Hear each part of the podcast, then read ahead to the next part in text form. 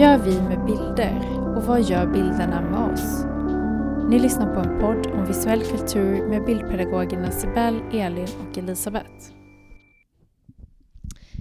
Ja, hallå och eh, välkomna. Nu lyssnar ni på Bildpodden. Eh, jag och eh, Elin sitter i samma rum den här gången. Vi håller såklart lite distans här, eh, även om Elin petade på mig. Cirka en millisekund för att sprita händerna sen. Eh, men vi sitter i alla fall i samma rum, därav det lite bättre ljudet. Eh, senast hade vi ju kanske lite sämre ljud eftersom vi satt på olika platser och spelade in via Skype. Um, och sådana här problematiker kommer vi prata lite grann om i det här avsnittet också, alltså hur vi hanterar eh, digitaliseringen i dessa coronatider. Jag eh, ska också säga att eh, det är bara jag och Elin idag eftersom Elisabeth fortfarande är mammaledig. Ja, men lite om tematiken idag då. Eh, vi befinner oss ju i en tid där nästan alla har mer eller mindre frivilligt behövt eh, utöka sina digitala kunskaper kan man säga, eller liksom ge sig in i den digitala världen i och med att vi uppmanas till social distans. Jag tänker att det är lite intressant. Eh, mycket, vi upplever liksom ganska mycket problem, att det hackar och så vidare. Det är någonting som blir tydligt i och med att vi i avsaknad av den fysiska kontakten eh, mister någonting, eller vi saknar någonting. Um, jag tänker att det är ganska intressant också med eh, digitaliseringen i skolan.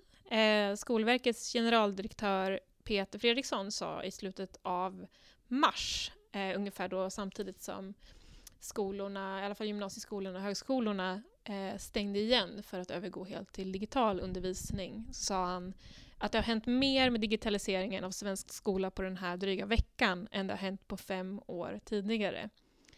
Och jag tycker det är lite intressant för att även om skolor har försökt ta sig an det här, man har köpt in smartboards, man har haft kurser för lärare, man har köpt in iPads eller Macbooks till, eller andra datorer till elever eh, och dyr teknik så har det liksom varit som en tröskel man ändå inte har gått över. Man har liksom hört historier om smartboards som man liksom nålar upp papper på istället eh, som en krock i det här arbetet. Att man liksom, har man då friheten att inte bli digital så tar man den friheten att inte vara det. Men nu har alla behövt gå över den här tröskeln ändå. Och det är väl lite nödvändigt. Skolverket har ändå ett mål att senast 2023 ska alla skolor kunna genomföra prov digitalt, nationella proven. Om det såg ut att inte riktigt var möjligt innan corona så tror jag att alla får testa på att eh, utföra prov digitalt nu ändå. Det här har liksom också skapat olika former av communities när folk ställs inför det här och upplever massvis med olika problem. Som hashtaggen skola hemma till exempel, som används i sociala medier. Och då är det lärare som hjälper varandra och ger varandra tips. Eh, väldigt nödvändigt för att de flesta undervisar ju också hemifrån. Så det här blir liksom att den sociala kontakten och det här lärarrumssnacket måste ske digitalt. På ett privat plan så har det också ökat digitala användandet. Och något som har ökat mest eh, är dels då underhållningen. Eh, jag tänker väldigt mycket på ett fenomen som många pratat om nu och jag har sett så många videos av TikTok Alltså utmaningar som filmas och läggs upp. Det kan vara till exempel olika dansövningar. Jag vet till exempel en svensk gymnasieskola eh, som då inte har någon lärarpersonal på plats. Men de har däremot sin admin, någon till sekreterare och vaktmästaren. Och på sitt Instagramkonto där de tidigare la upp Typ, eh, ja, men, elevarbeten eller skolans utvecklingsarbete så lägger de upp TikToks med de här tre varje dag istället eh, som är väldigt eh, underhållande. Men det andra då som såklart har eh, fått en explosionsartad ökning är vår sociala kontakt digitalt. Och det är temat också idag, alltså digitalt medierad kommunikation och eh, hur den ter sig kan man säga. Mm. Eller en, en liten tårtbit av det kan man väl säga. Ja, vi har ju två fokusområden. Mm. Men jag tycker det, jag har varit, det, är jättes, det är väldigt mycket spännande som händer nu och när det gäller liksom digitaliseringen av skolan så skulle vi kunna ha ett helt avsnitt där vi liksom diskuterar vad, vad fan är det? Vad är digitalisering och vad är digital kompetens? Ja. Eh, och nu är det ju, det finns ett, en Facebookgrupp som är väldigt lärorik som jag tror heter Digistan, Distansundervisning för lärare. Som jag har liksom gått med och följt diskussionerna. Eh, och där ser man ju också en så spännande utveckling från eh, i början av mars när det var mycket så här, hur får jag igång den här programvaran, hur, hur gör man, vad kan jag använda? Till att nu folk börjar mer så här, jag vill göra det här, jag skulle vilja kunna göra det här. Mm, så när man har lärt sig, kommer, ja, liksom. så när man har lärt sig liksom verktyget, det är då liksom man också börjar kunna så här, vad ska man säga, visionera om så här, men jag skulle vilja kunna det här och hur går jag då tillväga? Så, så det är ju spännande. Ja, liksom. Eh, men också att, ja men vad ska man säga, det är ju väldigt liksom mycket fokus på verktygen i sig som Teams eller Zoom många använder dem ganska mycket som ja, men jag, jag visar en powerpoint i Teams och så, så skriver de på den här whiteboarden eller samtalar i det här rummet. Så på ett sätt så är det ju ganska likartad undervisning fast den sker på distans och via digitala plattformar.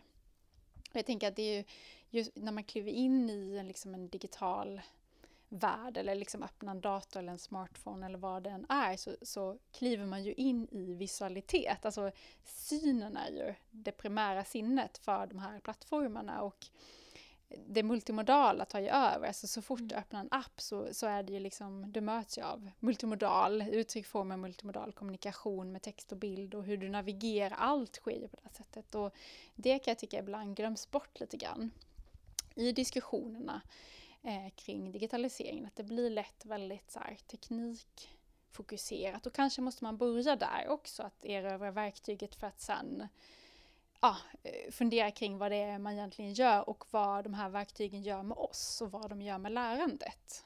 Precis, och går det att bara översätta en eh, till exempel klassrumssituation direkt in i ett digitalt verktyg? Är det verkligen liksom, jag tänker vi har pratat tidigare om agens och så vidare, Precis. att är det följsamt med, med liksom verktyget i sig? Jag läste en spännande artikel, jag tror att det var två norska lärare som hade skrivit också kring eh, Teams eller Zoom. Eh, hur man undervisar och möts av, för man kan ju då se alla som små fyrkanter, alltså små foton. Eh, folk då visar sig själva via webbkamera. Men att många elever inte vill det utan man istället möts av en svart ruta. Och det kan ju finnas mängder olika anledningar till att man inte vill visa sitt ansikte. Men då var det bland annat några elever som eh, menade att det var obehagligt för att då kan någon stirra på ens ansikte, vilket du inte kan i ett fysiskt rum för då lär du märka det om någon sitter och så här vrålstirrar i ditt ansikte. Mm. Men också att du kan liksom ta en snap, alltså spela in eller ta en skärmbild. Men jag har också märkt själv när jag har Teams-möten eller möten via Zoom och man hela tiden ser sitt eget ansikte som en liten fyrkant, att det är skit, jag tycker det är jättejobbigt. Man blir så otroligt självmedveten. Alltså befinner du dig i en fysisk verklighet så har du, du ser inte ditt ansikte. Plötsligt så tvingas du hela tiden se som en spegel av dig själv. Och det gör någonting med Det gör någonting med hur man pratar och jag tycker att man blir mer, jag upplever att jag blir mer självkritisk när jag, när jag ser mig själv på det sättet. Eh, och jag tycker att det är ganska jobbigt att man inte kan titta varandra i ögonen. För att jag, jag ser ju en bild, om jag skulle prata med dig, som när vi skypade så såg jag ju en bild av dig och jag tittar i dina ögon. Men kameran gör ju att du inte ser att jag tittar i dina ögon utan du kan ju uppleva att jag stirrar upp i taket. Ja, det eller liksom liksom, precis, att du undviker bilden. min blick. Liksom. Ja men precis. Eh, och att det blir väldigt viktigt att eh, ja, men i ett rum så har man ju inte liksom alla, allas ansikten hela tiden utan några sitter ju i periferin, alltså perceptionen liksom, men plötsligt så har du allas ansikte rakt framifrån och då blir det väldigt påtagligt om någon tittar ner och man märker att den personen liksom gör något annat eller surfar. En, en kompis till mig som undervisar på eh, universitetet, plötsligt när då hon hade en, en genomgång via Zoom med en elev så började eleven sminka sig framför henne i spegeln, eller i bilden. Och det blir också väldigt spännande, för det skulle man ju aldrig göra i en klassrumssituation. Men, Mm. men när hon såg sig själv i kameran så började hon också sminka sig. Det där blir ju jätteintressant liksom, vad, vad som händer med hjärnan. Vi pratade lite innan om Mm. att många upplever att de blir mycket tröttare efter ett eh, digitalt möte än ett eh, fysiskt möte. Mm. Och att det är ju för att det slår an så många delar, tänker jag, Mm. eh, av ens perception och att det blir felslut i huvudet också. Ja. Att så här, jag tittar in i en spegel och börjar sminka mig, men jag har också ett seminarium Ja. kanske. Alltså så här, Ja. eh, det aktiverar nog, man skulle vilja ha en sån brain scan av liksom hur alla delar av hjärnan bara lyser upp för att det blir liksom synapser åt alla möjliga håll. Liksom. Verkligen. Och jag är också så här trött på att folk är så dåliga på bildutsnitt i webbkameran. Att man ser så mycket grodperspektiv, mycket liksom luft över huvudet. Att man inte tänker på dels, alltså för det är ju en bild folk ser. Vad har jag i bakgrunden? Vad sitter jag i för miljö? Hur har jag kameran? Att det är väldigt så här, det kan vara väldigt störande tycker jag, andras bilder ibland. Mm. Ehm, Mm. Jag är nog en sån som du skulle störa dig på. Jag sitter alltid emot ljus. Grodperspektiv. I grodperspektiv. Exakt. Och så har jag bara konstiga hyllor bakom.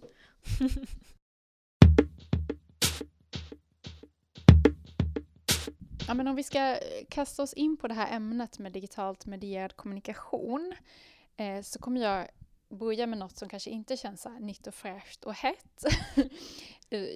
Vi har liksom aldrig riktigt pratat om emojis i bildpodden. Vi har nämnt emojis indirekt i andra sammanhang men vi har liksom aldrig haft det som ämne.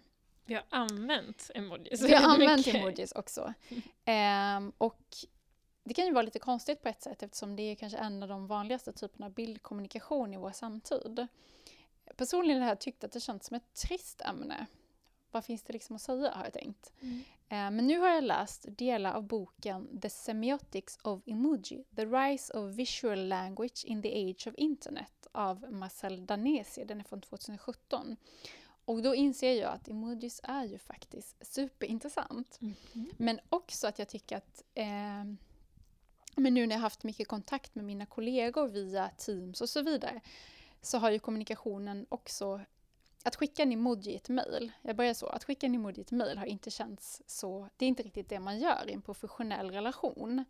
Ehm, när man lär känna en kollega lite bättre så kan man ibland skicka en smiley eh, och så vidare. Men i Teams eller Zoom, då har vi plötsligt börjat liksom, att reagera på varandras kommunikation genom att liksom lajka eller en smiley, men också att vi skickar emojis till varandra och giffar och liksom dekaler och allt möjligt. Och det är ju intressant, för det har ju hänt någonting då med vår relation också. Att den, för jag tänker att emojis ändå eh, som en kommunikationsform indikerar att vi har en mer intim relation än en professionell relation på ett sätt. Att det finns ju liksom vissa kontexter där emojis känns okej och i andra kanske de inte känns okej. Mm. Men i alla fall, det är bakgrunden till att jag ville prata om emojis. Och jag har också kollat på en sida som heter Emojipedia som är jättespännande där man kan gå in och läsa om alla enskilda emojis och man kan se statistik och man kan se hur de har utvecklats eh, historiskt och när det har kommit nya liksom, koder som har uppdaterats i emojisarna. Heter det emojisar? Emojisarna? Kanske, är det, är det på engelska på den sidan kanske? Man vill ju ha liksom, ja. vad, vad är pl- plural? Ja, jag säger emojisarna här idag i alla fall. Men 2015 så blev den här emojin som ser ut som att den skrattar så den gråter. Vet du vilka jag menar? Mm. mm. Den blir utnämnd till Årets ord av Oxford English Dictionary och det är ju ganska häftigt tänker jag. Eh, och det var första gången ett icke-ord blev Årets ord. Och under 2015 så utgjorde just den emojisen 20% av alla skickade emojis i hela Storbritannien. Eh, och hela grejen med årets ord är ju att man ska försöka göra liksom en sammanfattning av ett helt år i ett enda ord. Alltså ett ord som sammanfattar årets etos, känsla, humör eller bekymmer med ett enda begrepp. Och året efter, 2016, så blev det Brexit. Mm. Men just det året blev det en emoji. Ehm, och från början så uppkom emojis 1998 av en japansk kille som jobbade på ett telekomföretag som hette Shigitaka Kurita. Och han hittade inspiration till de här bilderna bland annat från väderpresentationer, du vet de här grafiska liksom tecknade molnen och solarna. Mm. Eh, men också från eh, manga. Och det kanske ska tilläggas att smileyn ursprungligen skapades redan 1964 av en amerikansk grafiker som heter Harvey Ross. Och han tog fram den här smileyn på uppdrag åt ett försäkringsbolag och skapade då en pin med smiley som de anställda skulle bära för att höja sin arbetsmoral. eh, ja, det kan man ju skratta ganska mycket åt känns det som. Man undrar om det funkade. Ja, det kan man verkligen undra. Eh, och, och själva ordet eller begreppet emoji är en engelsk variant av det japanska uttrycket där E står för picture och moji för letter eller character. Så översättningen av emoji blir picture word kan man säga, eller bildtecken kanske vi skulle säga på svenska. Och vissa frågar sig idag om emojis är vårt universala språk, alltså det enda språk som förstås över landsgränserna. Och det här kan man ju såklart diskutera, men jag tänker att det är ett väldigt intressant påstående. Och jag tänker att emojis är intressant att ha med som tema ur egentligen två större perspektiv. Och det ena är ju såklart ett bildspråkligt perspektiv. Varför ser de ut som de gör och vad betyder det eller vad innebär det? Men också ett kommunikativt perspektiv. Alltså vad tillför emojis ett samtal egentligen? Och jag tänker att om vi börjar med det bildspråkliga perspektivet så kan man säga att det finns två typer av emojis. Piktogram och ideogram. Och moln-emojin, om du kan se den framför dig, som är formad som ett moln, är ett piktogram. Och det betyder att den är skapad i avbild av ett moln. Alltså vi kan se himlen i vår fysiska verklighet, ett moln som ser ut som emoji-molnet. Alltså emojin liknar ett riktigt moln. Om man jämför med soluppgångs-emojin så är den ju ett exempel på ett ideogram. Alltså en soluppgång är ju egentligen en händelse över tid kan man säga. Solen mm. stiger på himlen. Och emojin av en soluppgång består av en rund form med strålar som liksom reser sig eller befinner sig mot en bakgrund. Och den här emojin är också designad för att skapa den här illusionen av en rörelse. Alltså hur, hur solen stiger på himlen. Så det är som två typer kan man säga. Det ena som liknar en fysisk verklighet och det andra som symboliserar någonting kanske mer abstrakt eller någon, någon händelse eller någonting som sker över tid. Eller ett eh, abstrakt begrepp kan det också vara. Och jag tänker att färgerna också har betydelse. Att molnet har ju en vitgrå nyans, precis som riktiga moln har. Medan den arga emojin har ett rött ansikte som symboliserar ilska. Eller den kräkande emojin har ett grönt ansikte som symboliserar illamående. Så färgerna är också väldigt så här, genomtänkta och kodade med symbolisk betydelse kan man väl säga. Um, och alltså emoji som kommunikation är ju väldigt kontextberoende och i en användningskontext kan ju emoji som vi då skulle definiera som ett piktogram istället fungera som en symbol. Och då kan man ju fundera på vad är skillnaden mellan en symbol och en piktogram? Och molnet, som jag sa innan, är ju ett piktogram för att det liknar en verklig förlaga. Och jämför vi det med en trafikskylt exempelvis, om vi tar den trafikskylten som är formad som en gul triangel med röda kanter, så liknar ju den ingenting som finns i verkligheten. Men vi alla som kör bil är överens och är medvetna om att den här skylten betyder lämna företräde. Alltså vi har gjort en överenskommelse om vad den här triangeln betyder i en trafikkontext. Och jag tror att vi har haft det här, eh, jag tror att vi har haft det här exemplet tidigare också. Jag tänker också att man skulle kunna jämföra med en partilogga, alltså sossarnas logga som är en grafisk röd ros som faktiskt liknar en ros. Och om man inte bor i Sverige så kanske man då tänker på att det bara är en röd ros. Men för oss som bor i Sverige så har ju vi då kopplar vi den här rosen till sossarna och deras ideologi eller politik. Så vi har laddat den här bilden med symbolisk betydelse, socialdemokratisk ideologi, för att vi har gjort den gemensam överenskommelse. Och det här kan ju ske med alla emojis på ett sätt. Jag tänker att aubergine och persika är väl ett väldigt De har vi tydligt... tagit upp innan tror jag. Ja men precis, och de är ett väldigt bra exempel. Alltså de är ju piktogram från början. Alltså de liknar en grönsak och en frukt. Och däremot har ju en massa människor börjat använda auberginen som en symbol för en penis och persikan som en symbol för rumpa. Och på Instagram så har man då förbjudit användningen av hashtag aubergine-emojin. Eh, och de hänvisar till sin policy om att förbjuda sexuellt explicit språk. Så plötsligt har ju då en bild av en aubergine blivit sexuellt explicit språk. Och det är ju lite, det är ganska spännande faktiskt. Så vi har laddat det här piktogrammet med symbolisk betydelse. Och det är ju för att vi, flera, eller vi, det låter som att jag säger Är det du och jag? Du och jag. Nej men för att flera användare har använt auberginen i, liksom, i en kommunikation där man pratar om sex kan man säga. Och då blir det till slut så befäster sig den här symboliska betydelsen och vi förstår. Och det som också är intressant tycker jag är att så fort man har börjat tänka på auberginen som ett könsorgan, då är det väldigt svårt att radera den laddningen. Även på ICA. Även på ICA, ja men precis. Så, det, ja, men precis. Så, den, så, så, den symboliska betydelsen följer med in i verkligheten sen när du håller en aubergine i handen på ICA. Och det är nog ingenting, det är väl ingenting som egentligen existerade innan emojis?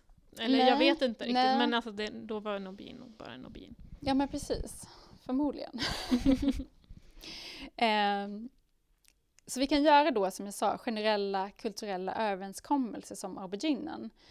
Um, men sen tänker jag att man skulle kunna göra nya överenskommelser, om vi nu ska fortsätta på det här sexspåret. Om vi du, i ett kompisgäng, alltså i bildpodden, hela tiden börjar använda persigo-emojin som en symbol för bröst exempelvis, då skulle ju den här symbolen, alltså persiko-emojin, bli en del av vår interna jargong. Um, och i mer intima relationer mellan två människor kan man ju göra överenskommelser om vissa emoji. Jag tänker, jag och Elisabeth, vi brukar, hade en period när vi avslutade alla våra samtal egentligen med den här stenstatyns emojin. Har du sett den? Den från påsken? Ja, precis. Och jag kan inte förklara varför, men det kändes så supertryggt och naturligt och lite som en så vänskapsgest. och jag tänkte också på vår, vår bild på den chatt. När vi har kommit överens om något, exempelvis ett nytt inspelningsdatum eller så, då brukar vi så jag lägger en regnbåge, sen lägger du en regnbåge och sen lägger Elisabeth en regnbåge. Just det, för att liksom se att alla har uppfattat. Ja, lite så här, ja men okej, som ett okej eller ett bekräftande. Och det är också intressant, för nu känns det väldigt naturligt att vi gör det. Eh, och det, har ju, det blir ju som en intern jargong som vi tillsammans har skapat och kommit överens om att det är så här vi avslutar vår, vår kommunikation. Liksom. Men ett annat exempel på bildkommunikation eh, som också är lite spännande tänker jag är emoji som ungefär illustrerar samma sak fast med en liten variation. Jag tänker på den leende emojin med blossande kinder. Vet du vilka jag menar? Som ser lite så mjuk och vän ut, nästan lite så generad och ödmjuk. Ska ja, jag beskriva den? den är speciell också för att den ser lite olika ut i ja, Android och exakt. iPhone. Eh, den leende emojin som blinkar och den leende emojin med hjärtögon. Alltså alla de här tre symboliserar egentligen samma känsla, alltså glädje eller lycka, men har små nyansskillnader. Och jag tänker som jag sa, den blossande emojin är för mig kanske ett mjukt ödmjukt leende. Den blinkande emojin känns mer flörtig, men det beror också på texten, eller kontexten som man skickar den i. Men framförallt så tänker jag att om man skickar den här blinkande emojin så indikerar det att man har en nära relation till den man skickar. Jag skulle liksom inte skicka den till vem som helst, utan det är mina nära vänner eller min sambo kanske, eller en familjemedlem. Och den här hjärtögon-emojin tänker jag beskriver någon slags starkare känsla av lycka. Alltså som en kommentar till att man älskar något man ser eller hör eller den andra skriver.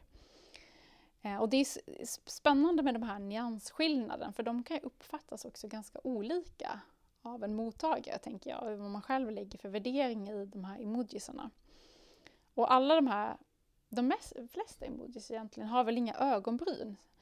Det är den här blinkande har ju ögonbryn. Mm, jag tror att det finns en förvånad, i alla som fall i min Android, det. som har... Eh, det finns en förvånad utan tror jag, och ja. en med. Just det. Som känns lite mer förvånad. Ja.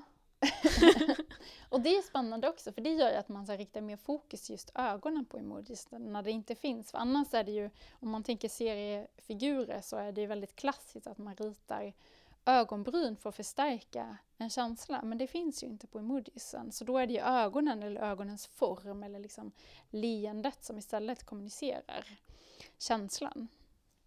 Och sen tycker jag också det är intressant, för jag hittade den här emojin, har du sett den som är den har raka ögon, två ögon som är som raka streck och en rak mun. Mm, en av mina favoriter. Ja, och den brukar jag skicka som så här, jag saknar ord typ, mm. i negativ bemärkelse. Men det är en emoji som anses vara neutral. Alltså den anses visa ett uttryckslöst ansikte. Och det är så mm. super, den heter net, äh, neutral face. Och det är jättekonstigt, för det första kommer jag verkligen säga vad är ett neutralt ansikte? Men den känns absolut inte neutral, tycker inte jag på något sätt. Om det hade översatts till ett verkligt ansikte och att mm. man hade blundat med stängd mun. Ja, blundat och sträckt ut sina ögon och ett rakt streck. Alltså, ja. det är jätte... Inte så piktogramskt. inte så piktogramskt. verkligen inte.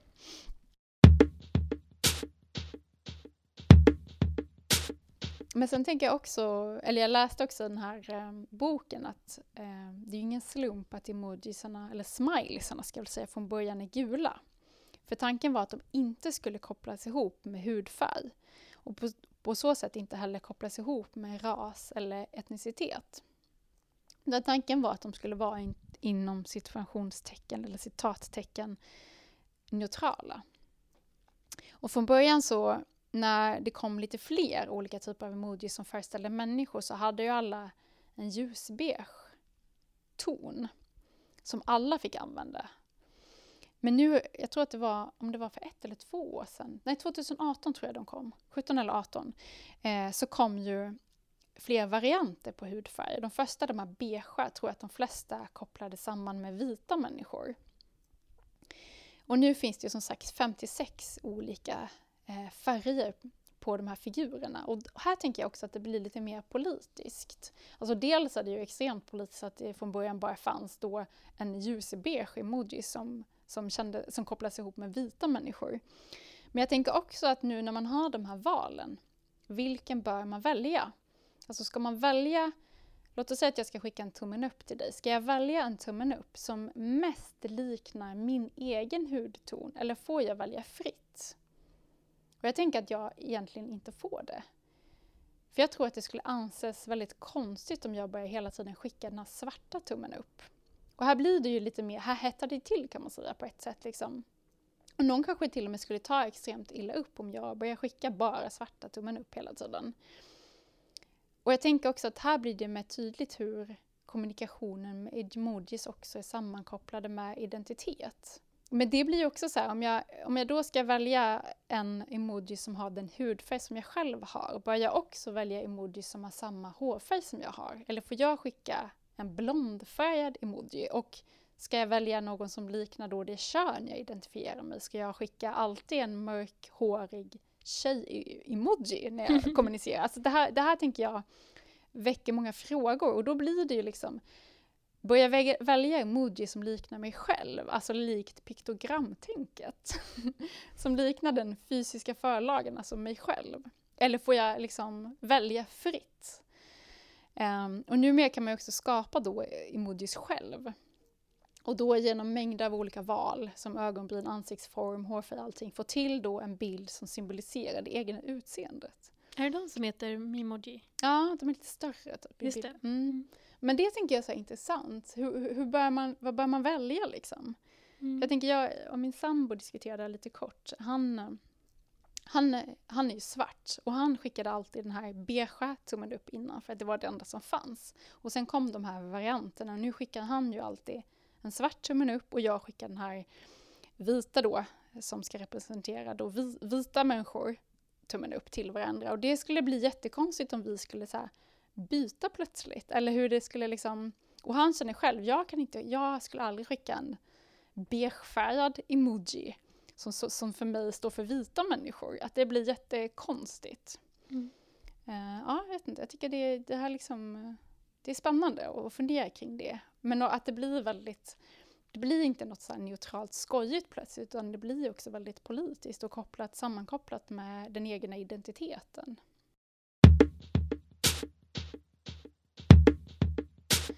Eh, och sen så tänker jag också så här, apropå identitet, att eh, jag tänker så här, många vänner som jag har, har ju favorit-emojis, alltså emojis som, nu säger jag igen citattecken, alltså som känns som de själva. Och det här diskuterade jag med några andra kompisar, just det att precis som gester och ansiktsuttryck och röstlägen kan vara personliga eller bli personliga sättet att uttrycka sig på, så kan emojis i skriftlig kommunikation bli en markör för ens personlighet och identitet. Och eh, på sociala medier så kan ju emojis på det sättet också användas som ett redskap för att visa vem man är och spegla den egna identiteten. Jag vet inte, har du någon favorit-emoji som du ofta skickar? Ja, Ja, jag, jag började anteckna ah. precis här eh, att vi borde lägga upp på vårt Instagramkonto vems favorit-emojis är vems, så får folk gissa. eh, men då kanske jag ger en ledtråd nu. Den tänkande emojin som har en hand under hakan, eh, om man kan säga att mm. sådana emojisar har haka. De är mm. bara helrunda. Eh, med tummen liksom på ena sidan av munnen och eh, pekfingret åt andra hållet. Och med den har nog ögonbryn också tror jag. Mm. Eh, som ser lite bekymrad ut och så tittar den snett uppåt. Eh, det är nog en av mina mest använda mm. funderar-emojin. Mm. Har du någon? Ja, jag måste nog tänka lite faktiskt. Jag tror att spontant så är det nog den här som är som tre små stjärnor som hänger samman. Mm, som en slags glitter typ. Uh, ja men jag, jag, ska fundera lite. Men det jag också så funderade lite på när jag läste den här boken var ju just Ja, men om man tänker så här, hur, hur de här emojisarna har kommit fram och hur de liksom har utvecklats över tid. Så började jag tänka på nörd-emojin. Som har då glasögon och stora framtänder. Och det är så intressant, alltså hur vi tänker då på en nörd, att den personen har då, alltså då kan man ju först säga, vad är en nörd? Kan man ju fråga sig. Men också så här, har nörden då glasögon och stora tänder? Den här representationen känns ju väldigt stereotyp. Mm. Men jag tänker också att den typen av representation kommer igen i filmer och, och andra typer av bilder. Så det är ju liksom ett, ett, ett stereotypt bildspråk som bara har följt med. Och i kommunikation så är det ju viktigt att, att det ändå är ganska tydligt på ett sätt. Så det är ju liksom någon slags universellt överenskommelse om att en nörd bär glasögon så känns här lite ofräsch. Ja, um, synfel. Nördigt. Ja, men, verkligen. Men så tänkte jag också på så bomben som är tecknad som en rund svart form och att den har en stubin. Om man förstår, alltså så ser ju inte bomber ut om man, om man tänker på en fysisk verklighet utan den känns ju väldigt så här serietidningsaktig. Och det tänker jag inte en slump säkert. För den svarta bomben känns ju väldigt så här ofarlig. Om man tänker sig att då bombemojin istället skulle vara tecknad som ett bombbälte eller en drönare då skulle det bränna till lite mer och skapa helt andra associationer. För om vi då skulle se eh, representationen av ett bombbälte istället, vad skulle vi tänka på då? Och så vidare. Så, att, så är, det kan ju verkligen bli väldigt så här, politiskt hur de här är utformade. Och för några år sedan så fanns det ju en emoji som liknade en pistol. Mm. Fysiska förlagan av en pistol. Och 2016 så bytte Apple ut den här till en vattenpistol. Och sen 2000 2018 så följde andra plattformar och företag efter. Men innan folk bytte den här eh, vattenpistolen, eller pistolen till en vattenpistol, så kunde man ju då skicka, om jag då via Apple skickar en vattenpistol till dig som har Android, då översatte din Android min vattenpistol till en pistol. Och då, då blir det ju en väldigt stor skillnad från ursprungsbudskapet, alltså det jag vill förmedla till dig, det kan ju verkligen ändra hela betydelsen. Från lekfullt? Ja, till hotfullt. Ja. Och det finns ju flera andra exempel på just hur emojis översätts från en bild till en annan när man skickar dem mellan olika typer av plattformar eller sociala medier eller liksom företag.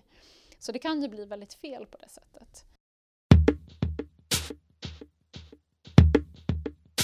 Men jag tänker också att ett annat exempel på hur emojis just är, hur deras betydelse är kontextberoende och hur de kan laddas med symboli symbolik. Det är att emojis kopplas ihop med olika fenomen. Vi har pratat om Guy Fawkes-masken tidigare. Jag tror att det var i avsnittet om memes vi pratade om eh, Guy Fawkes-masken. Som har sitt ursprung i tidningen V för Vendetta, den här gamla. Eh, men som man också gjorde film av och som, som då också fick större spridning tack vare Anonymous. Och den här Anonymous-masken eller Guy Fawkes-masken kopplas oftast ihop nu med civil olydnad. Man kan säga att det har blivit en symbol för någon slags motstånd. Eh, och i vissa kontexter är det ett antal emojis som kopplas ihop med den här masken. Bomben, fyrverkerier, berg dalbanan, eldflamman, teatermaskerna, Parishjulet och kronan får nämna några. Och det här tänker jag också är spännande. Så emojisarna blir ju ett sätt att ladda ett inlägg med symbolisk betydelse genom att referera till ett annat bildfenomen. Och då blir de här emojisarna plötsligt civilt motstånd i en kontext. Och det är ju samma med grodemodien. Det här tror jag också vi pratade om i memes. När den används i vissa kontexter så kopplas den ihop med Pepper the Frog som är en symbol eller har blivit en hatsymbol och kopplas ihop med högens ideologiska idéer. Så plötsligt blir grodemojin ideologiskt laddad för att den visuellt liknar en annan bild. Grodan Pepper the Frog exempelvis. Mm.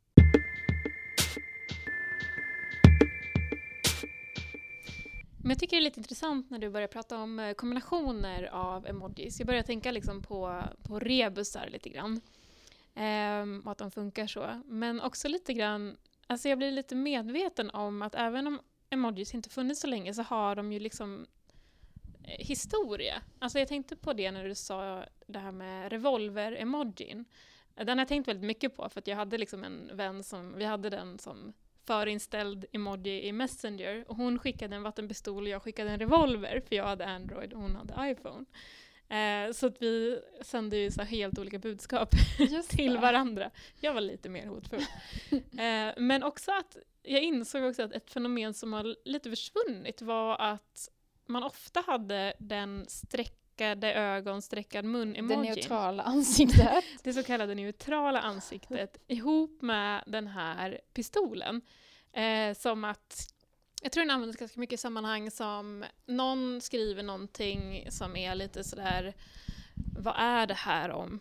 Varför gör någon så här? Och då kombinerade man neutrala emojin med pistolen för att säga men gud skjut mig. Just det, som ett uttryck. Liksom. Som ett uttryck. Mm. Eh, men det har jag faktiskt slutat se i och mm. med att pistolen blev en vattenpistol. Mm. Ingen liksom säger skjut mig med en vattenpistol. Nej, det blir liksom inte lika tydligt eller liksom lika skarpt budskap. Men också just det du säger, eh, alltså hur man... Jag tänker att det finns en kreativ aspekt här också, för nu har det ju sakta men säkert liksom uppdaterats, kommit nya liksom Unicodes som har gjort att liksom de här emojisarna har blivit mer liksom bredare representerade. Men hur man löste vissa eh, problem. Alltså, exempelvis så fanns det ju inte en emoji för då brandman eller brandperson, eller vad man ska säga. Eh, och då löste man det genom att sätta ihop två emojis, alltså person, en gubbe, med en brandbil och då blev det liksom en brandman. Så det blir också någon slags här, rebus. Men nu finns det då en, en emoji som representerar liksom det här yrket brandman. Eh, men jag har också sett liksom faktiskt reklamkampanjer ibland som bygger på någon slags rebus-emoji-tänk, att man lägger ihop flera emojis och så ska man då på något sätt associera till ett visst budskap. Och ibland funkar det skitbra och ibland så är det jättesvårt att tyda hur man menar. Eh, och jag har också sett ibland på sociala medier att de har haft så här, men gör eh, filmtiteln till emojis istället och så ska du översätta då text till bild. Eh, med olika, liksom, ofta blir det ganska bokstavligt, alltså typ bomb och snäcka, bombshell. Att det blir ah. liksom väldigt så. Eh, men ibland så funkar det ganska bra liksom. Undrar om hela befolkningens rebuskunskap eh, liksom har förbättrats av avsevärt nu. Men det är också spännande tycker jag, just det här med så här, eh, det grammatiska. Vi, vi, vi pratade lite kort med varandra, du och jag, innan vi började här, just hur man så här, Nej men typ såhär, när vi pratar med varandra, du och jag, så kan jag, nu sitter du och tittar på mig eh, mitt ansikte är jätteobehagligt. Nej men då kan, precis. Då, kan du, då kan jag ju förstärka det jag säger med gester och ansiktsuttryck. Jag kan le, jag kan så betona ord. Det kan man ju inte på samma sätt i skriftspråket. Så då kan ju verkligen så här, emojis vara ett sätt att liksom understryka någonting, förstärka någonting, sätta liksom en ton på det man vill säga, eller en tonalitet. Men, men jag tänker också att det är så här, ja men eh, det är spännande för vi pratade också om det, för jag tog upp så här att ja, men någonting som jag har märkt är att om jag har en lång eh, diskussion med en vän och sen känner jag nej men nu måste jag gå och göra något annat eller jag, jag, jag vill avsluta den här diskussionen så kan det vara ganska svårt.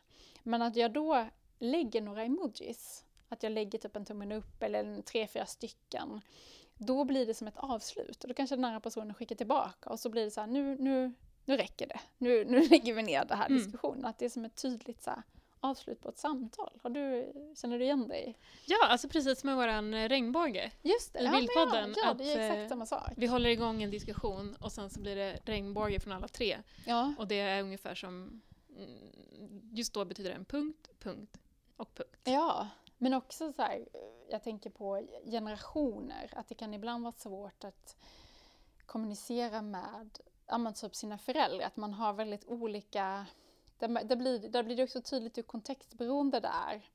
Eh, min mamma älskar ju den gråtskrattande emojisen. Hon nöjer sig oftast inte med en utan hon lägger gärna så fyra på rad.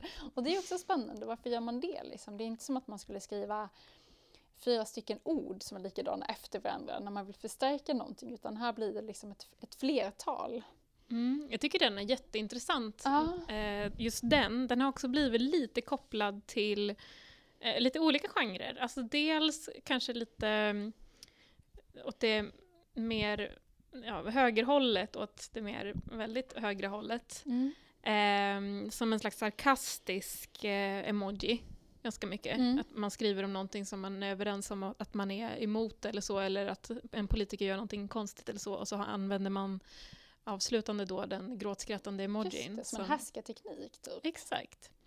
Men också att det är lite, det här kommer jag säkert få skit för, men det är lite 50 plus emojin. jag, jag vet liksom in, väldigt få i min ålder som använder den här. Men jag vet väldigt många äldre som gör det. Ja, nej, men jag, jag, jag, jag använder den ibland men jag, jag skäms lite när jag använder, när jag använder den. Ja. Men jag tänker, det, det, jag och Elisabeth också skrattat ganska många gånger åt att vi båda skickat en emoji som har som en droppe ur näsan. Och att vi har tänkt att den betyder så här, att man liksom pustar ut, det gick bra typ. Men sen har vi förstått att i manga, alltså i manga-kontexter så är det ju ingen droppe ur näsan utan det är ju bubbla. Och Jag har aldrig fattat den. och att bubbla i manga, om man har en bubbla i näsan, då betyder det att man sover. Så vi har skickat så här, det som då kanske i vår kontext skulle vara en, en, en, en smiley med kanske tre sätan. Mm. Så tre sä, alltså smiley med tre sätan och eh, smileyn som har då en droppe ur näsan, de betyder samma sak. Mm. Men det, det är liksom, vi har ju helt så här missförstått. Så det är intressant då, vad, sen beror man ju, beror ju på vad mottagaren har haft för liksom bakgrundskunskap. Men den kanske har tyckt att vi har varit jätteotydliga. Bara, varför skickar de att de sover? Eh, och, ja, och det tänker jag också är jätte... Ja men att det, det är som att det är liksom... Reglerna för hur emojis ska användas är ju också ständigt under förhandling kan man säga. Det är ju inte som att det, det är inte att det har en fast betydelse utan att man hela tiden kan omförhandla i kompisrelationer, i liksom en samhällskontext och så vidare. Det tänker jag också gör att det, det är hela tiden att man får vara lite alert kring så här. Det gör en medveten på så här, okej, nu ska jag kommunicera med Sibel, vem är hon? Okej, hon är den här, då väljer jag de här emojisarna. Men nu ska jag kommunicera med min mamma, då kan jag inte skicka den här, för hon skulle inte förstå det här. Eh, så att man blir väldigt så här, medveten om vem det är man, man kommunicerar med på något sätt. Och utifrån det så väljer man vilka emojis man skickar med på något sätt. Och sen tycker jag det är spännande också just med, ja men så här, man, man, man tänker då att emojis är känslouttryck. Kan man verkligen så här förmedla, alltså, kan man förmedla vad alla känslor med emojis? För oftast är det kanske någon form av glädje eller ironi eller någonting. Men om du skulle känna dig rädd på riktigt eller arg, skulle du skicka liksom emojin som ser rädd ut. Eller den arga emojin. Jag tror att någon gör inbrott och rädd emoji. det blir, Men vi pratade lite om det innan också, att eh, användandet av emojis också har understrukit eh, icke-användandet av emojis. Vad det gör med språket när man inte har emojis, vad sätter det för ton? Och att icke-användandet av emojis eh, liksom understryker ett allvar mm. lite grann. Mm. Ja men precis, nästan som att så här, när jag och min sambo har skickat meddelanden till varandra ibland och så kanske det har varit lite så glad stämning och man skickar så här, emojis och så plötsligt kanske han skriver någonting som gör mig lite irriterad. Då väljer jag, då väljer jag bort emojis som ett så här, avsaknaden på emojis blir då ett tecken på att nu har min ton hårdnat här. Här är det lite så allvarligare eller liksom, det här var inte okej. Och det är också spännande att, att inte välja en emoji betyder också någonting. Och vi nämnde ju också det här med att den arga emojin är ganska intressant, eh, den som är röd och kanske arga ögon och sådär.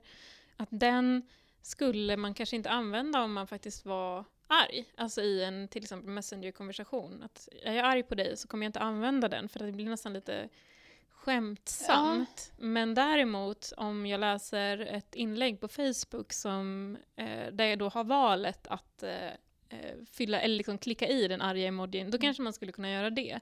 Så att, att den på något vis har funktionen att vara eh, inte riktigt till för kommunikation, snarare för reaktion. Just det, det är jätteintressant.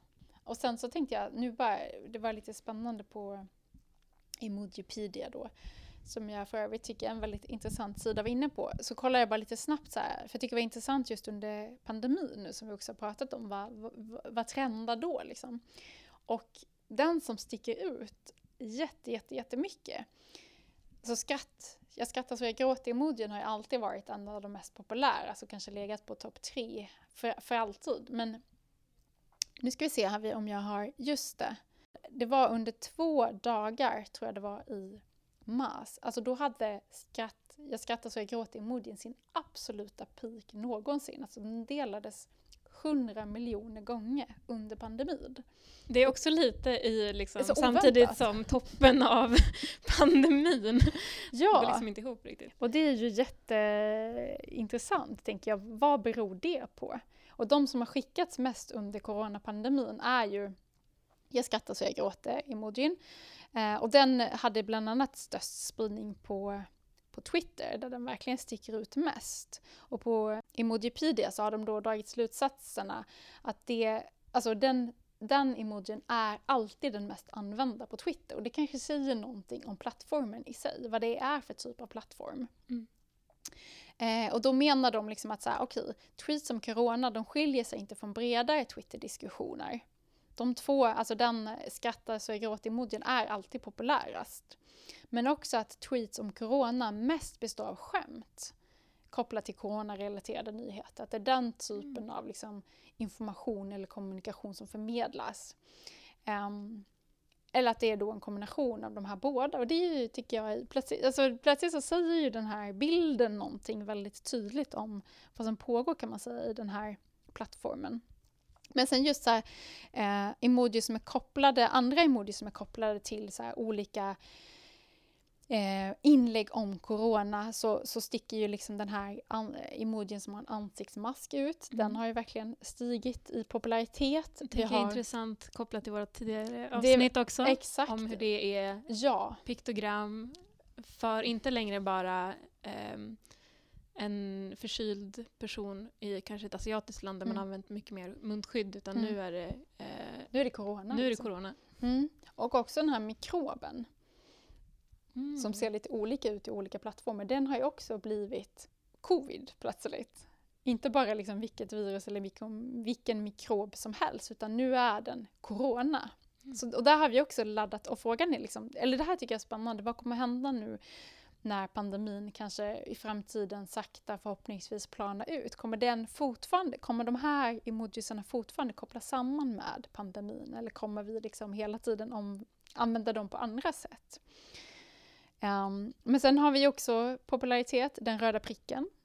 Mm. Kopplat till uh, Kina. Använder många den och det är ju jättekonstigt. Det, ju, det, det tänker man ju på den japanska flaggan. Mm. Men den kinesiska flaggan såklart, men också den italienska flaggan har ju verkligen så här, användningen av den har ju så också skjutit i höjden. Mm. Så att, så att emojis, alltså statistiken, alltså statistiska undersökningar på Emojipedia som man kan då avfärda som bara banala emojis, de säger också någonting om vår samtid. Och hur, liksom, vad är det vi pratar om?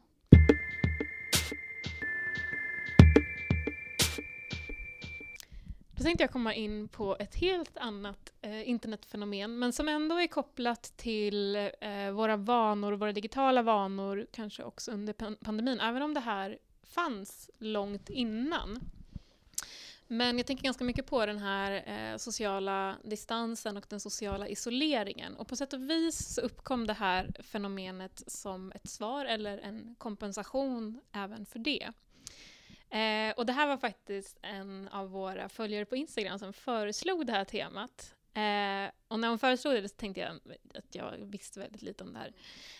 Eh, och kanske mest av allt inte förstod fenomenet. Jag vet inte om jag gör det än, men jag vet i alla fall spännande. lite mer. Jag vet ju ingenting, så att jag, det här känns skitspännande. Ja. Jag tänker alltså prata om eh, mukbang, eller som det egentligen uttalas, mokbang. Och det är ett eh, sydkoreanskt ord som betyder på svenska ätsändning. Ätsändning? Exakt, eller på engelska eatcast. Eh, det finns ett liknande fenomen i Kina som kallas för chibo också. Eh, men det kommer alltså från Sydkorea. 2010 uppstod det där i en eh, slags, eh, vad ska man säga, en eh, realtids-tv-tjänst som heter Afrika TV. Eh, och det här innebär alltså att man lägger upp en video eh, där man äter. Man spelar in sig själv med till exempel sin webcam och eh, interagerar med publiken, även om en del också gör förinspelat material. Eh, men det har blivit allt mer populärt med att ha en livesändning och att man då antingen, antingen interagerar via ljud eller via chattfunktioner. Mm, så man, har, man, gör, man gör inte det innan, man har en publik som man gör det inför? Exakt. Jag tror att det var lite mer vanligt med förinspelat tidigare, mm. eh, men nu har det blivit mer och mer live. Eh, och jag kommer komma in lite mer också på hur interaktionen Spännande. kan fungera. Eh, men anledningen till att det här uppkom och, kom och varför jag liksom tänker att det också har blivit extra aktuellt nu, det var mycket för att det här hade en slags kulturell funktion. I och med att i Sydkorea så har man en väldigt stark eh, tradition kring, kring ätande och middag. Att det är en social funktion, man gör det tillsammans. Eh, det finns mycket etikett kring det. Eh, gemensamma måltider är traditionellt helt enkelt.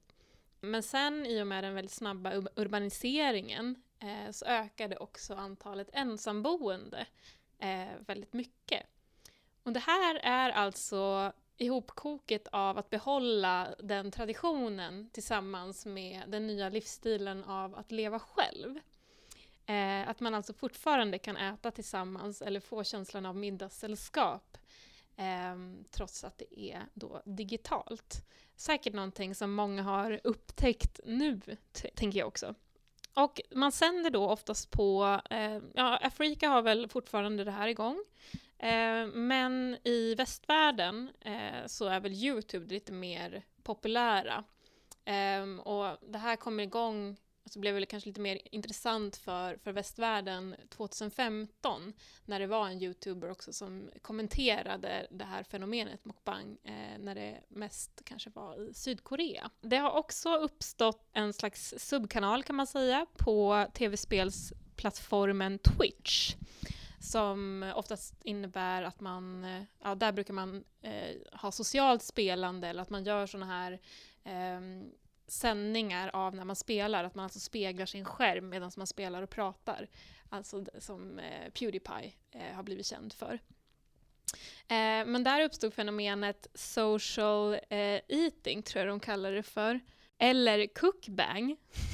låter ju, ja, det låter ju väldigt konstigt. Men de har en subkategori alltså, som heter social eating Eh, och det var för att de här som, började, som spelade och filmade, de började också spela i sina pauser. När de liksom tog en paus och började laga mat och åt för att fortsätta interagera med sina tittare eh, lite off, off eh, tv-spelskamera eller vad man ska Mm. säga. Och det blev så populärt att de startade en subkategori, även om Twitch inte kallar det för eh, mukbang. Och det här har väl dels blivit ganska populärt och spritt. Eh, först var det ju ganska, ganska mer professionellt när det bara sändes på Africa TV. Eh, då fanns det ett produktionsbolag bakom och så vidare. Men man insåg ganska snabbt att eh, det är väldigt mycket lägre produktionskostnader med mukbang än ett eh, till exempel realityprogram eller vanlig matlagnings-TV. Och därav blev det också väldigt intressant för icke-professionella sändare. Eh, Det krävs i princip en webcam och eh, några stekpannor för att kunna sända själv. Lagar man maten också eller nej, man bara man sätter fram den när den är klar och sen... Det har utvecklats kan man säga. Mm. Alltså då blir det ju mer av ett cookbang. Just det. Eh, så att det har, det har liksom uppstått så många olika underkategorier av det här och att liksom varje steg i det blir liksom sin egen kategori som många då hakar på. Eh, från början var det alltså bara ätande och oftast var det då kanske traditionell sydkoreansk mat apropå hela uppkomsten med att man använder det här som ett sätt att ha det fortfarande traditionella sociala eh, ätandet. Men så småningom och också i och med att västvärlden fick upp ögonen för mukbang så börjar man föra in andra måltider och att syftet också med de här förändrades i takt med spridningen eftersom det nu är ett liksom, fenomen över hela världen. Så olika subkategorier som har uppstått är ju dels liksom, eh, äta så mycket som möjligt-kategorier. Eh, en youtuber, eh, jag tror att det var Buns kanske, blev väldigt känd för att kunna äta tio hamburgare på rad. Typ som så klassiska tävlingar. Som ätartävlingar, Mhm. precis. Och att det, det är också en subkategori då, att äta jätte- jättemycket och svulla i sig. Ehm, en del skulle kalla det hetsäta. Mm. Ehm, men samtidigt så finns det också tillfälle, eller liksom, det har hänt att sådana andra fenomen som ASMR till exempel har börjat mötas med mukbang. Och eh, då, alltså ASMR är ju mer kopplat till ljud och känsel. Det handlar ju väldigt mycket om att en person pratar eh, nära en mikrofon, väldigt lugnt och ganska sensuellt. Och att det handlar om att man ska sätta igång olika känslor i kroppen. Kanske främst att man ska få gåshud. Men jag, eh, kan, hänger det ihop? För jag har sett videos där man har olika ljud som anses så njutningsfulla. Så typ att de spelar in kanske så kolsyra som bubblar och så liksom sitter man och lyssnar på det. Som skapar väldigt så sinnliga upplevelser. Är det liksom någon... Jag tror att det hör ihop lite med Mm. ASMR. Mm. Om man är intresserad av det här så har ju faktiskt Arktis en eh, ganska digitaliserad utställning nu Mm. som heter, eh, jag tror den heter Konstig känsla känns bra. det är roligaste Konstig titeln. Mm. Men det förklarar ju precis vad det handlar om Ja. också. Men då kombinationen mukbang och eh, ASMR, det blir mer smask, röra om, ehm, klirrande av bestick mot tallrikar och så vidare. Ljud som för mig, alltså det är det värsta ljudet jag vet. Jag tänker också gnisslande Ja. gaffel och kniv mot Ja. tallrik. Ganska jobbigt. Ehm, och de som sänder, de kallas, håll i er nu, BJs. BJs. Ja, apropå dubbla betydelser. Det här betyder ju också någonting annat, men eh, det står för Broadcast Jockeys. Mm. och det här med eh, vad de gör då och hur interaktionen går liksom. Eh, de som sänder live och har chattfunktion, en del sådana broadcast jockeys fungerar som avatarer för tittaren och ber då tittaren att eh, instruera vad den ska göra. Så att den blir liksom som en så här, ja, lyft höger hand så gör man det. Mm. Eh, för att öka liksom, interaktionen med eh, tittarna och att tittarna styr handlingarna. Eller kanske, ät den där, ät den där. Det här var spännande, för det var exakt det här jag satt och, och tänkte på, hur det liksom rent praktiskt gick till. För själv känner man att, att sitta och äta och prata samtidigt är ganska svårt. Eh, och om man då bara satt och, ja men, de- den första bild som dök upp i mitt huvud var Andy Warhol när han äter den här hamburgaren, den eh, konstvideon. Mm. Men ja, okej, så att man kan liksom, så man blir som någon slags marionett Exakt. till via liksom streamen till de som chattar eller skriver till en då. Precis, en del blir det. En del har det också bara som underhållningsvärde, att de i princip har liksom sin, eh, ja, vad som ska hända i hela den här, Eh, och att det inte är lika interaktivt. Det har liksom funnits, inte jättemånga, men en del forskningsprojekt kring det här och vad tittarna får ut utav att kolla på Mockbang. Bland annat så kan det vara en känsla av omhändertagande, eh, familjaritet, att man känner liksom en, en trygghetskänsla. Eh, det kan eh, uppfylla sociala behov. Eh, man kan lära sig sociala koder kring ätande. Det kan vara en verklighetsflykt. Eh, men också, och det här läste jag i International Journal of Mental Health and Addiction, eh, så det kom en studie om att en del tittare njuter av att se andra äta mat som de själva inte kan äta på grund av dieter och liknande. Just det, det var det precis det jag funderade på också. Att det är ju så här intressant, tänker jag.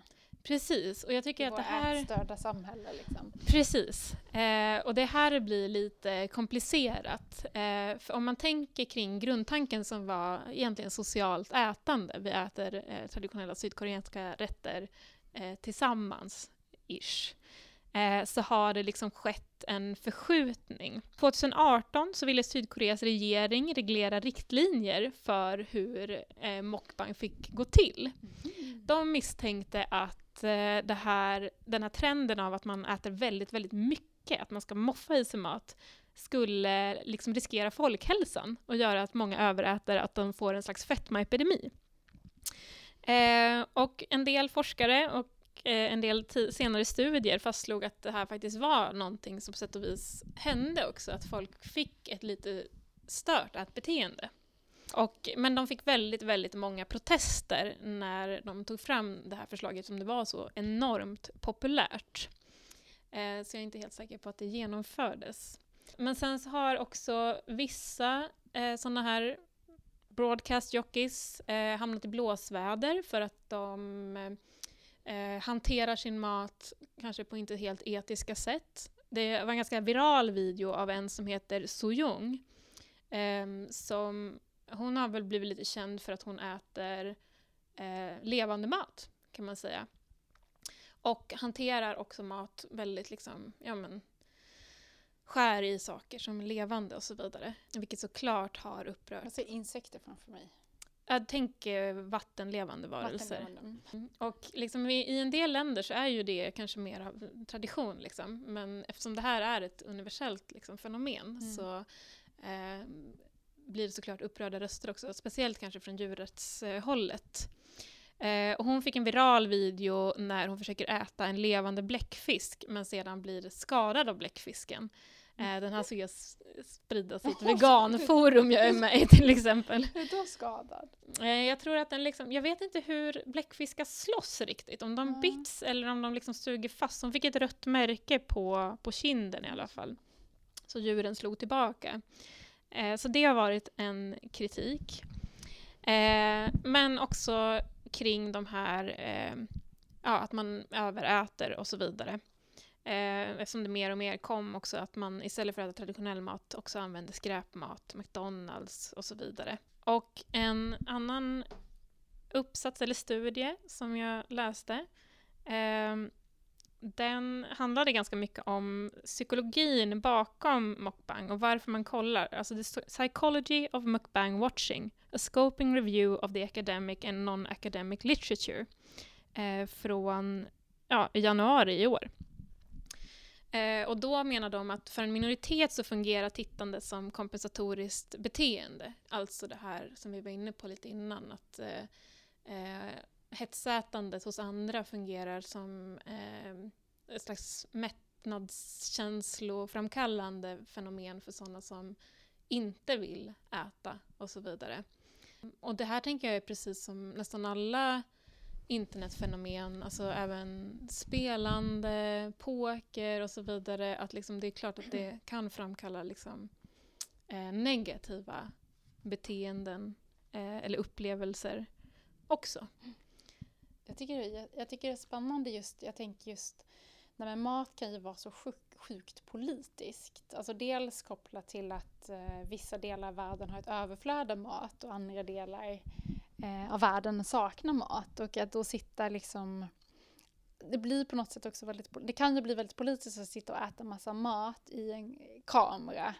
Eh, på det sättet också att det liksom symboliserar någon slags välfärd eller liksom att man har den ekonomiska möjligheten att laga mat. Men så tänker jag, alltså det är ju, för mig är det, alltså i vår kultur, eller säg emot mig nu, jag kan bara ha fel, men jag tänker att, att ätandet är intimt på något sätt i vår, för jag tänker det är väldigt vanligt på sociala medier att man ser eh, att människor delar, de lagar mat, man delar eh, färdiga så här, snygga recept eller det här har jag lagat eller kolla på det här. Alltså matbilder är ju så här, sjukt stort. Mm. Kokböcker, alltså hela liksom, livsstilsgrejen kopplat till mat. Men äta ser man sällan. Mm. I, liksom, i vår, liksom, i, i liksom vår svenska kontexten kring så här, bi, i bilder. Exakt. Och att det finns mycket som men om vi tar då en bloggare som Bianca Ingrosso som har gått ut väldigt tydligt med att hon har ätstörningar. Hon lägger ju upp extremt mycket matbilder. Men mm. man ser henne aldrig äta.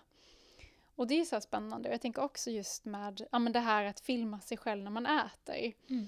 Och man brukar skoja om att man inte ska äta tacos på dejt exempelvis. för att då ser man väldigt så här, osexig ut. Mm. och då, då, blir det, ja, men det blir jätteintressant tycker jag, just att, att, liksom att titta på någon annans ätande. Att det kan bli att det kan vara underhållande eller lockande. Men det lär ju finnas säkert subgenrer där man ska äta på ett så sensuellt sätt också, tror inte ja, eh, Auberginer, typ. Ja, auberginer. ja, men, ja, skulle jag säga. Alltså, ja, det finns ju det en... har inte med det att göra alls kanske? Jo, men lite. Alltså, det finns ju en voyeur-aspekt ja, av det här. Ja, att eh, den som sitter framför kameran blir väldigt synlig och eh, på sätt och vis sårbar, eller hur man ska säga. Att den, mm. Den gör ju sitt ätande synligt. Ja, det, men, det känns så intimt. Men precis som du sa om de här norska eleverna som mm. liksom inte vet om någon sitter och stirrar på en ja. eh, i sin webcam. Att det här blir lite samma sak, att så här, man vet inte om betraktaren upp vad, vad liksom det fyller för funktion för den. För att i den här studien så fanns det också en del, alltså en ytterst minoritet, men som också hade ett intresse av det här. Eh, Feeders tänkte jag på. Ja men precis, att det, är, eh, att det finns liksom ett sexuellt syfte bara av att se någon äta. Och makt, för jag tänker så här kopplat till om man då skulle vara i den eh, subgenren som använde Macben som en eh, marionettdockan, att jag mm. kommunicerar vad du ska göra, där tänker jag också att det skulle kunna finnas en Ja, men man har ju sett dokumentärer om feederkultur. Mm. att där, precis, där kan det finnas jättekonstiga, eller alla möjliga olika typer av anledningar till att man är där och tittar och till att man styr en person. Att det känns väldigt utlämnande att så lägga sitt, sitt ätande i någon annans händer på ett sätt. Precis, jag tänker att det här är liksom det som föder nya subgenrer inom mukbang hela tiden också. Mm. Att eh, man reagerar på vad det fyller för funktion hos, hos de som tittar. Just um, och i och med den här marionettdelen då, då blir man ju också väldigt varse av vad, vad för slags funktion det är. Mm. Och att det då liksom skapar, eh, ja men till exempel jag vill att du tar jättesmå tuggor mm. och äter jättelångsamt.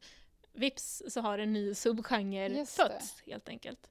Men det, också, det, blir som en fetischering också på något sätt. Men jag tänker också att, eller jag blir intresserad av um, om, man, om man tänker, om man tänker liksom att det här är bild, alltså de som äter, finns det något generellt utseende hos de som äter? För jag tänker att det skulle kunna också skapa väldigt så politiska, liksom, om vi låt, låt oss säga att Bianca Ingrosso som har en väldigt så normativ, smal vit kropp skulle sitta och äta och vi skulle titta på henne kopplat till någon då som i, liksom, i vårt samhälle skulle anses vara överviktig eller ohälsosam på något sätt. Alltså hur det det blir, där kan det bli väldigt politiskt. Hur, hur vet du? Ja, ja, men precis som, precis som i nästan all sån kultur där folk blir offentliga personer så blir liksom ytan väldigt viktig. Mm. Men här har det slagit åt lite olika håll. Det var liksom en streamare som eh, ja, rapporterade att han mådde väldigt dåligt, han, han gick upp i vikt väldigt mycket eh, och kände liksom press på att alltså, sända ofta, då måste man äta mer och så vidare. Eh, så att han fick dålig hälsa utav det här. Mm. Den här som äter tio hamburgare i rad, då, som jag tror var Bans, um, han har liksom fått mycket frågor kring så här, ja, men hur, hur kan du ändå hålla dig i fysisk form när du Mm. äter väldigt mycket. Och han sa liksom, jo men för att liksom klara av det här så eh, tränar jag eh, åtta timmar per dag. Så att det är liksom, Så utseende, alltså kroppen blir ändå en del av det här. Det är ju, tänker, för jag, men just så här, det har man ju sett mycket på Instagram, eh, fatshaming och så vidare. Har du en icke-normativ kropp så kan du få väldigt mycket hat. Och här tänker jag också att det skulle kunna liksom bli någon slags Ja men, ja men typ konstig fetischering nästan att se andra människor med vissa typer av kroppar äta och att det skulle kunna vara olika typer av hierarki, skapas olika hierarkier kopplat till liksom mat, utseende och anses provokativt om en person då som har ett icke-normativt utseende äter mängder mat. precis, men Att det blir precis som så innan, bara subgenrer. Ja, Att så här, ja. det, det blir liksom så här, normativa som äter mat på ett visst sätt blir en genre. just det. Ja. Folk som kanske är lite större äter mat på ett visst sätt och det blir en subgenre. Alltså att det finns liksom tittare för för vem man än är liksom, och lite, lite hur man porr. ser ut. Ja men exakt, man kan nästan kalla det för kinks liksom. Ja. För det beror på bara vad det är man vill, vill se. Så Just finns det liksom. Ja. Men jag tänker också att det är så spännande liksom, om man skulle då koppla tillbaka till pandemin och det här social distancing. Att, ja, men, jag och flera kollegor, jag tror att du känner säkert igen det eller vänner, att man har haft liksom AVs över Zoom eller Teams. Mm. Någon gång vet jag att jag hade nötter och, med. Alltså då, och då, blir, alltså då sitter man ju inför alla, inför en kamera och äter och dricker och de ser mig liksom medierad, en bild av mig när jag äter eller dricker. Att det, det, det är ju liksom, vi är alla där. Precis, då är vi ju dock synliga i ätandet liksom. Ja men precis, Eh, på ett helt annat sätt. interaktivt. För, eh, liksom, det kan man ju vara, jag menar du och jag har ju varit på restaurang och käkat och då blir det ju liksom eh, Fast man lägger i sig in, jag tittar ju inte så mycket på när du äter i och för sig för att vi har ju också samtidigt en interaktion men här blir ju liksom bilden av dig när du äter som jag tittar på sen kanske jag då chattar samtidigt men du som, ja men ja det, det händer någonting där ändå. Man, liksom. man får se sig själv äta också. Det Ja, blir som det. det vi pratade om innan, att man liksom ser speglingen. För att ofta så har man kanske inte sett det. Jag, jag brukar inte sitta och äta framför en spegel i Nej alla det har fall. jag nog faktiskt aldrig gjort. Så jag blev lite chockad först, alltså när, när jag hade någon sån liten zoom av er, liksom, jag satt och åt yoghurt tror jag. Ja. Ehm, och liksom, att det bara var så här, jag, tro, jag trodde liksom att jag har sett allt. Men jag har inte sett mig själv sitta och äta så här riktigt. Det här var lite, lite nytt liksom. Det är ju praktiskt också för får man någonting mellan tänderna så är man ju första det, att då kan man märka vara det. där direkt och, och fixa till sig liksom. Exakt. Ja, då har vi börjar närma oss slutet av den här podden och eh, idag har vi alltså pratat eh, om vad vi skulle kunna klumpa ihop till digitalt medierad kommunikation, men specifikt då eh, emojis och eh, mukbang blev teman idag. Vi skulle vilja tacka så hemskt mycket för att ni har lyssnat på oss idag. Följ oss gärna på Bildpodden på Instagram och Bildpodden på Facebook. Vi gillar att höra vad ni tycker. Skriv gärna önskningar om det är något ni vill veta mer om så sätter jag och Elin och kanske då så småningom Elisabeth och så läser på. Um, vi hörs. Ha det så bra.